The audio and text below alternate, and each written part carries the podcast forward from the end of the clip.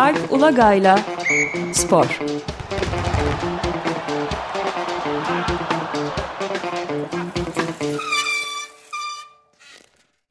Günaydın Alp, merhabalar. Günaydın Ömer Bey. Günaydın. Günaydın Özdeş. Evet, yoğun bir gündemimiz var. Hemen girişelim. Nereden başlayalım? Doğru, yoğun bir gündem. Aslında e, kadın futbolu yani Avrupa Futbol Şampiyonası ve Belarus'la devam edeceğiz ama önce geçen haftanın bir takibini yapalım isterseniz. Çünkü bu Fenerbahçe Dinamo Kiev maçındaki Putin oley tezahüratını konuşmuştuk. Evet. Ee, ertesi gün yani geçen cumartesi Fenerbahçe Yüksek Divan Kurulu toplantısı vardı. Hatta Yüksek Divan Kurulu toplantısını izleyecek halim yok ama o gün yani arkadaşlarımdan şey geldi. WhatsApp mesajı ya böyle mi doğru mu falan diye. E, meğerse herhalde bazı üyeler konuşma yapıyor. En sonunda kulüp başkanı Ali Koç bunlara yanıt veren daha uzun bir konuşma yapıyor yani sorulara e, karşılık. Ve orada dehşet içinde gördüm ki bu konuyu soran birisi olmuş. Özür dileyecek miyiz? E, zehir zemberek bir yanıt yani buna. Önce başta özürle ilgili sonra da UEFA'yı falan yerden vuran bütün her şeyi için içine katan karıştıran bir çok garip açıklama gerçekten. Ukrayna'dan özür dilemeyeceğiz. Niye dilemeyeceğimizi size biraz sonra anlatacağım. Siz herhalde maçta bulunmadınız. Ee, özür dilemenizi istemeniz Fenerbahçe Spor Kulübü'ne hakarettir falan diye böyle bir açıklama dehşet içinde kaldım. Yani geri dönüp ben canlı yayında sırf o dakikaları bulup izledim yani. Hakikaten öyle mi? Çünkü bazen işte sosyal medyada öyle aktarılmıyor hani göreyim diye. İzledim gerçekten öyle dedi. Yani o bir gün önce yapılan konuştuğumuz daha doğrusu iki gün önce oldu. Yani biz cuma konuştuk. Perşembe öğleden sonra yapılan yarım yamalak açıklama vardı.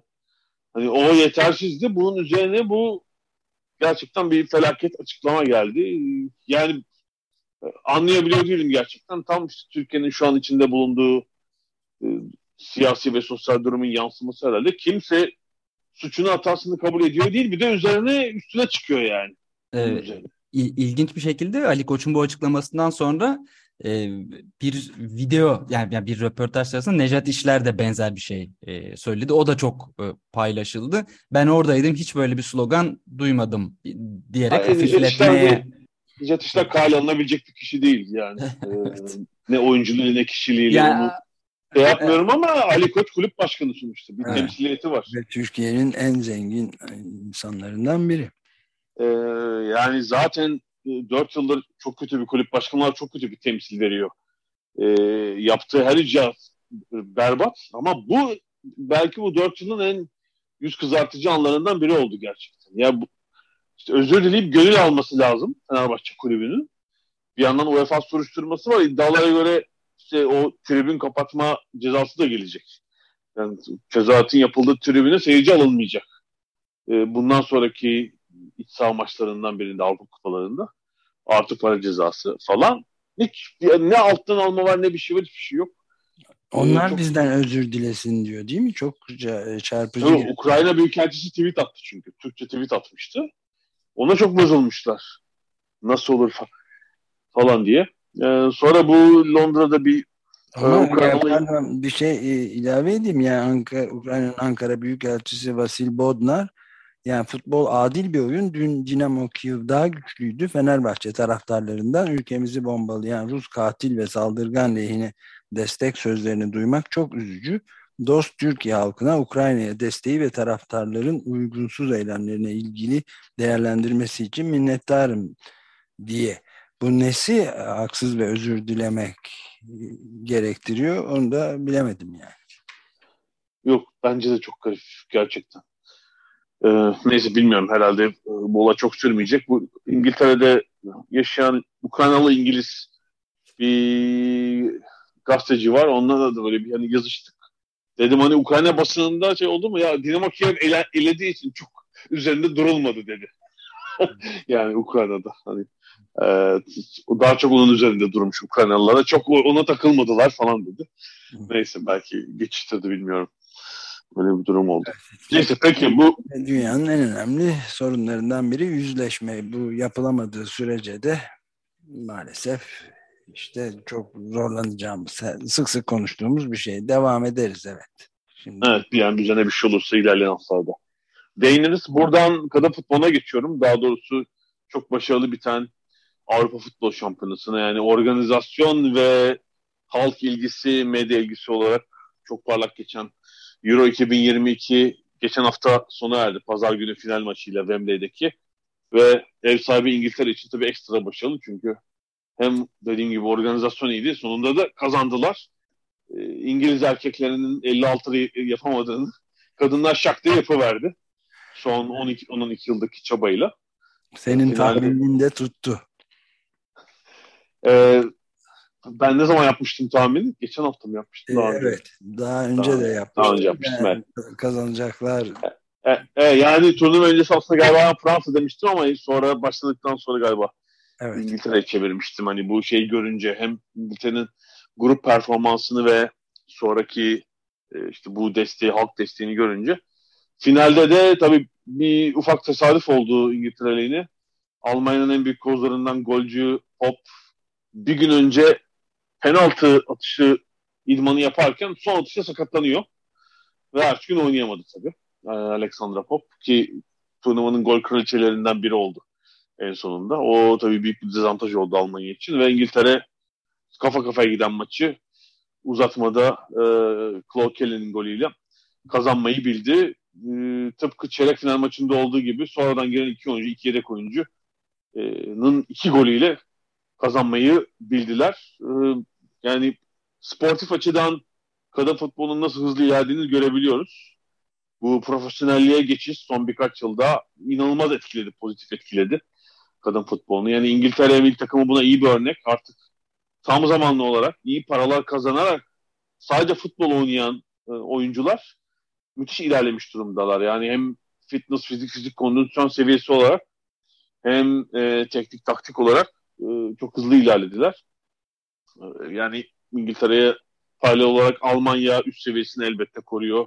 Büyük bir geleneğe sahipler. Fransa çok iyi. İspanya gümbür gümbür geliyor. İşte İsveç, Hollanda gayet iyi. Yani böyle 5-6 ülke Avrupa'da hızlı şekilde ilerlemeyi sürdürüyorlar. Bu çeşitli ülkelerle kurulan profesyonel liglerin ve erkek futbolundan bildiğimiz geleneğe sahip büyük takımların kadın takımı kurmaları sayesinde yakında herhalde dünya futbolunun bir numara ülkesi ABD'yi de yakalayıp geçecekler öyle gözüküyor. Yani ABD hala çok güçlü.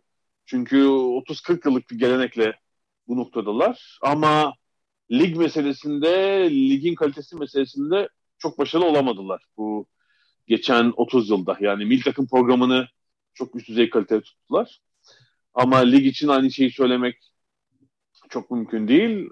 Avrupa'da ise o durum biraz değişiyor. Yani başarılı mil takımların yanına iyi profesyonel ligler ekliyorlar ve dediğim gibi yani bu iş şununla alakalı. Yarı zamanlı değil tam zamanlı profesyonel bir iş haline dönüştüğünde bir tam zamanlı bir uğraş haline geldiğinde onun etkisini görüyorsunuz. Ee, İngiltere iyi bir örnek. Ee, iyi paralar kazanıyor dediğimde de ortalama maaşlar işte İngiltere Ligi'nde, Women's Super Lig'de hala çok yüksek değildir. Ama bunun yanında işte yıllık 250 bin, 300 bin pound civarında kazanan, dünyanın en çok kazanan oyuncuları, maaş alan oyuncuları e, Women's Super League'de oynuyor, İngiltere'de oynuyor. İşte Sam Kerr var, Avustralyalı mesela. Lucy Bronze, İngiliz ki Manchester City'de oynuyordu. Şimdi e, tekrar Lyon'a galiba transfer oluyor oldu oradan. E, yani bu ortamda bu ilerleme sürecektir. E, şu avantajı var yani yıllarca kadınlara futbol oynamayı yasaklamışlar. Yani İngiltere'de 1921'den 1971'e kadar mesela kadınların futbol oynaması yasak, organize futbol oynaması. E, bütün bu olanaklardan, imkanlardan mahrum kalmışlar. Diğer birçok ülkede de herhalde Kuzey Avrupa hariç böyle bir durum söz konusu. Şimdi tabii tablo değişti. E, oynayabiliyorlar, olanaklardan faydalanabiliyorlar. Avantaj dediğim de şu, büyük kulüpler, işte Manchester United, Barcelona, Lyon, Paris Saint Germain, e, bu kulüpler kadın takımı kurduklarında e, bu sefer e, erkek futbolunun geçirdiği tüm deneyimlerden faydalanma şansı var. Ve elbette fiziki olanaklardan. Çünkü işte Manchester City düşünelim. Muazzam bir futbol kampüsü var. Şimdi o kampüsü kadın futbol takımı da kullanıyor. Oradaki tıbbi olanaklardan, analiz olanaklarından, idman olanaklarından erkek futbolcularla aynı imkanlara sahipler. Ee, yani tekrar mesela bu büyük kulüplerde yeniden tesis yapılması, işte bu olanakların sağlanması için hani e, ne bileyim bir girişimde bulunmalarına e, falan gerek yok. Bu büyük bir şans. O yüzden bu kulüplerin kadın takımları muhtemelen hızlı ilerlemeyi sürdürecekler ama tabii tüm dünyada Avrupa'da da yatırım açısından büyük bir fark var. Yani yatırım ve gelir açısından. İşte bir geçen yıl Euro erkekler düzenlenmişti. Erkekler Avrupa Futbol Şampiyonası. Onun sponsorluk geliri işte 1 milyar euro ise bu kadınlar Euro'nun sponsorluk geliri işte 90-100 milyon euro mesela. Hani onun onda biri hala. Burada büyük bir fark var. Yani bir süre daha e, UEFA'nın, FIFA'nın, kulüplerin, federasyonların kadın futbolunu teşvik için desteklemeleri gerekecek. Bu izin vermedikleri 50 yılın bir karşılığı olsun. Yani 50-60 yılın kadınlara futbol oynatılmayan dönemin bir şey olsun. Bedeli olsun. Çok normal. Britanya'da nasıl karşılandı genel olarak bu şampiyonluk? Ee, müthiş medya ve halk ilgisi demiştim. Yani benim gördüğüm belli başlı burada başı olan ülkelerdeki televizyon reytingleri de turnuva boyunca çok yüksekti. Yani Fransa, Almanya, İsveç, Hollanda. İngiltere'de de maç ile maçla ilerledikçe bu reytinglerin nasıl arttığını gördük. İşte grup, grup maçlarında açık kanal BBC'den yayınlandığı için tabii bir de işte 3-4 milyondu galiba. Çeyrek finalde herhalde 9 milyona çıktı izleyici sayısı. Yarı finalde galiba 13 milyondu. Final maçında e, BBC'den normal televizyon yoluyla izleyen kişi sayısı 18 milyon, 17,9 milyon artı üzerine herhalde 5,5 milyon da stream yani dijital platformdan BBC izleyenler var. Yani ne yapıyor? 24 Çeyrek, milyon 24 milyon civarında seyirci e, oldukça büyük yani. Müthiş bir rakam tabii. Bu yıl e, İngiltere'de en çok izlenen TV programı açık ara. Herhangi bir yani sadece spordan bahsetmiyorum. Yani işte spor ya da spor dışı muhtemelen bunu geçebilecek tek şey bu yılın sonunda Erkekler Dünya Kupası'nda İngiliz milli takımının ileri turlardaki bir maçı olabilir. Grup maçı da olmaz bence. İşte hani öyle ikinci tur çeyrek final ya da rakibe bağlı tabii işte. Çeyrek finalde hmm, şimdi şeyi bilmiyorum tabloyu fikstürü.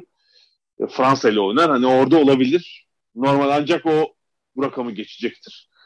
Yani başarı arttıkça, turlar geçildikçe e, burada müthiş bir ilgi oldu. E, seyirci sayısını da atlatalım. Sadece ekran başındaki stat'taki final maçında 87 binden fazla biletli seyirci vardı ve bu turnuvada sanıyorum e, tüm maçları 547 binden fazla seyirci izledi stadyumlarda. Bundan önceki en yüksek seyirci sayısı Avrupa Futbol Şampiyonası'nda 240 bindi. O da 2017. İki katını geçmiş durumda yani. Tabii. E, müthiş. Ben de 10 gün kadar önce çeyrek finaldeki Almanya-Avusturya maçına gittim bir arkadaşımla. E, Batı Londra'da Brentford stadındaydı. Çok yani o küçük bir stat. 17.500'lük herhalde tamamına yakın yani satılan bilet bütün biletler satılmıştı muhtemelen. Muazzam bir ortam vardı gerçekten ee, orada da. Ee, yani çok daha fazla kadın seyircinin olduğunu zaten görüyorsunuz. İşte Almanya-Avusturya maçı olduğu için de bol bol Almanca duyduk. Yani Almanya'dan, Avusturya'dan bir sürü seyirci gelmiş ya da Londra'daki Almanlar, Avusturyalılar stadı doldurmuşlardı. Ee, müthiş bir ilgi oldu bence. Yani İngiltere'de böyle bir şey yaptığınız zaman zaten işte dünyada kişi başına en çok spor etkinliği biletinin satıldığı ülke burası. Yani İngiltere ve Birleşik Krallık diyelim. Ee, bunun kadın futbolu da birebir yansıması oluyor. Yani 4 yıl önce buraya ben ilk taşındığım aylarda bir kadın milli maçına gitmiştim Fulham stadında. 2018 Ekim falan olması lazım. İngiltere Avustralya hazırlık maçıydı. Herhalde yani 7-8 bin kişi lay lay izlemiştik. Şimdi artık 7-8 bin kişi oynanmaz kadın milli maçı. Yani çok iyi bir örnek. Tam bu şampiyonluğun ve kutlamaların üzerine salı günü şu açıklandı. Hatta pazartesi günü galiba. İngiltere, ABD özel milli maç yapacak. 7 Ekim'de Wembley Stadı'nda diye. Biletleri e, çarşamba günü piyasaya çıktı. Perşembe günü bitti. 90 bin bilet satıldı evet. o maç için. Büyük bir yani dönüşümsel bir gelişme oluyor. Onu da takip edeceğiz bir, herhalde. Evet, bir not ekleyeyim. Bu kadın sporuyla hem kadın futbolu hem kadın sporu. Ee, bir uzun hatta çok uzun vadeli bir öngörü diyebiliriz. Bu kadın futbolu, kadın sporu ve erkek sporuna hani eşit derecede yaklaşım, yatırım diye. Ee, yani böyle 20-25 yıl sonra belki 30 yıl artık e, şunu göreceğimizi düşünüyorum. Yani kadınlara eşit şekilde yaklaşmayan, yatırım yapmayan spor dallarının, organizasyonların, kurumların e, çok geri planda kalacağını, yok olacağını falan düşünüyorum. Mesela yani Amerikan futbolu sadece erkeklerin oynadığı bir spor dalı. Şu an Amerika'da açık farklı çok popüler ama kadınlar yapmıyor bu sporu ve bunun bir noktada bir tepki doğuracağını falan düşünüyorum ben bu tip sporların yaklaşımı tek cinsiyet üzerine olanların. Yani bunun uzun vadede bunun değiştiğini göreceğiz. Yani bir noktada tüm spor dalları eşit kaynak aktarmak, eşit şekilde yaklaşmak zorunda olacaklar. Kadın ve erkeklere. Evet. E, şimdi birazcık da kalan vaktimizde Bill Russell'dan e, bahsedelim istersen. Yani 88 yaşında e, hayata veda eden gelmiş geçmiş belki de en büyük basketbolcu sayılan aynı zamanda da büyük bir aktivist barış ve yerici hareketlerinde Yılmaz savunucusu çok ilginç bir sima Bill Russell. Müthiş bir karakter gerçekten. Pazar günü vefat etti 88 yaşında. Ben aslında biraz bekliyordum yani yaşı ve son yıllarda belki sağlığındaki biraz gerileme sebebiyle e, herhalde yani bu kadar ünlü olup bu yaşlara gelen işte birkaç basketbolcudan biri Bob Cousy kaldı ondan yaşlı işte aynı dönem Celtics oyuncusu olan. E, Bill Russell sadece sahadaki değil sağ dışındaki davranışları ve tutumuyla da bir efsane haline gelmiş bu oyuncu. Tabii yani bir sürü yazı zaten ben okudum pazar gününden sonra. Ee, çok ilginç yazılar, bir takım hatırlatmalar, paylaşılan eski yazılar çıktı. Bundan önce de e, o döneme ait ve Russell'la ilgili e, bir takım kitaplar okudum bundan yıllar önce hatta. Özellikle e, Boston Celtics'in efsanevi koçu Red Auerbach'la ilişkisini anlatan Red and Me kitabı son derece ilginçtir herhalde. Bir 10 sene önce yayınlandı. E, Bill Russell'ın kaleminden. E, yani e, Russell'ın özelliği şu herhalde Amerikan sporunun sporlarının şu andaki büyük babası diyebileceğimiz kişilikte biriydi. Yani o sadece basketboldaki değil böyle bir genel bir ağır e, tavrı ve havası vardı onun. E, böyle önemli zamanlarda ortaya çıkan tavrını belirten işte bu diz çekme eylemi, bu Amerika'daki protestolara evinden de olsa katılıp bunun sosyal medyada fotoğrafını falan paylaşan hala her sözüne değer verilen çok önemli bir şahsiyetti. E, sportif açıdansa herhalde e, winner kelimesinin, kazanan kelimesinin e, vücut bulduğu en önemli sporculardan biri. E, 13 sezon önünde Boston Celtics'te 11 NBA şampiyonluğu yaşamış bir isim e, olacak iş değil gerçekten. 13 sezonda 11 şampiyonluk. Evet yani o zamanki NBA şimdiki NBA değil böyle dünyaya açılmış. Hatta Amerika'nın tümünü kapsayan bir NBA bile değil belki. İşte 8 takımın sonra 10 takımın oynadığı daha küçük bir lig. Ee, dediğim gibi şimdiki haline gelmiş devasa bir basketbol organizasyonu değil ama yine de 13 sezonda 11 şampiyonluk Ayrıca o zaman bile... sonra an, basketi Hı? bıraktıktan sonra antrenör olarak da e, iki senede şampiyon yapması gibi de ilginç bir şey daha var. Aslında basketbolu bırakmadan. O da çok ha, ilginç. NBA tarihinde aldı. Doğru doğru. Evet. Player coach çünkü 1966'da Red Auerbach artık yaşlanıyor ve koçluğu bırakmaya karar veriyor ve yerine Bill Russell'ı öneriyor hemen. Yani takımı oyuncuları çok iyi bildiği için 3 sezon e, hem oyuncu hem koç olarak görev yapıyor. O 3 sezonun İkisinde de yani hem 67'de hem 69'da şampiyon, şampiyonlar. Ee, Amerika'daki tüm profesyonel sporlardaki ilk siyah koçtur. Aynı zamanda hatta herhalde e, Amerika'nın belki en büyük spor yazarı kabul edebileceğimiz o da öyle yıllar oldu. Frank Difford'un e, 1999'da Sports Illustrated'e yazdığı çok uzun bir yazı var. E, yani 100 yıl kapanırken işte sporun yıldızları üzerine böyle uzun e, yazılar yazıyorlar. O da Seattle'dan e, herhalde Kaliforniya'ya bir otomobil yolculuğu yapıyor Bill Russell'la ve hani o yolculuk ve Bill Russell'ın geçmişi üzerine bir yazı yazarken o koçluk meselesine de gidiyor. E, o yıllarda büyük babası da hayatta Bill Russell'ın. E, babası Charlie Russell, büyük babası Jack Russell. E, babası maça getiriyor büyük babasını. Büyük babası tabii 1880'lerde falan doğmuş herhalde. Yani köle olarak doğmamış ama muhtemelen kölelik hikayelerle büyümüş biri. Bir kere şey hayret ediyor. Oğlunun e, koçluk yapmasına. Patron o mu diyor. Evet diyor babası. Peki beyazları da mı yönetiyor? Evet diyor. E, bunu da gördüm ya diyor tamam artık. yani inanamıyor hani. Bir siyahın beyazlara talimat verip onların da koştuğunu yaptığını falan büyük hayretler içinde izliyor Büyük Baba Russell. Ee, o açıdan da bir öncüydü yani oyunculuk, koçluk hepsiyle beraber ama tüm bunların dışında bir de aktivist tarafı var tabii. Evet. Yani, ee, Dave, yani sadece... Dave Zirin de çok özlü harika bir yazı yazmış. Onu da anlatıyor Nation dergisinde. Evet, onu da onu da tekrar e, okudum. Şimdi 1960'ların e, yurttaş hakları mücadelesinde tam o, onun göbeğinde tam e, burada bir aktivist olarak yer almış birisi. İşte 1967'deki Cleveland zirvesi, Muhammed Ali'ye destek hepsi var. Daha önce okuduğum kitaplarda da gördüm. O 1930'larda doğmuş sporcular. Tabii bu Amerika'daki hele güney eyaletlerinde falan doğdularsa tam, tam ırk ayrımının ortasına doğmuş oyuncular. Yani zaten çocukken aile içinde e, bir sürü tanıklık ettikleri olay var. E, Louisiana doğumlu Bill Russell'da. İşte belki bu sebeple herhalde o 8 yaşındayken ailesi Kaliforniya, Oakland'a taşınıyor. E, yani bu artık sıtkı sıyrılmış tabii babasının bu durumdan. E, ama çok bilincinde yaşadıkların işte siyah oyunculara ne kadar yetenekli olurlarsa olsunlar basketbolda yapılan ayrımcılıklar var ve aslında onun bizzat Boston'da yani bütün kariyerini geçirdiği son 3 yıl hem koçluk hem oyunculuk yaptı. Boston'da bizzat başına gelenler var. İnanılmaz ee, şeyler olmuş evet değil mi? Yani... Evet. Tabii yani ev, evden uzaklaştığı, deplasmana gittiği her hafta mesela işte çöpleri karıştırıp tekmeliyorlar mesela.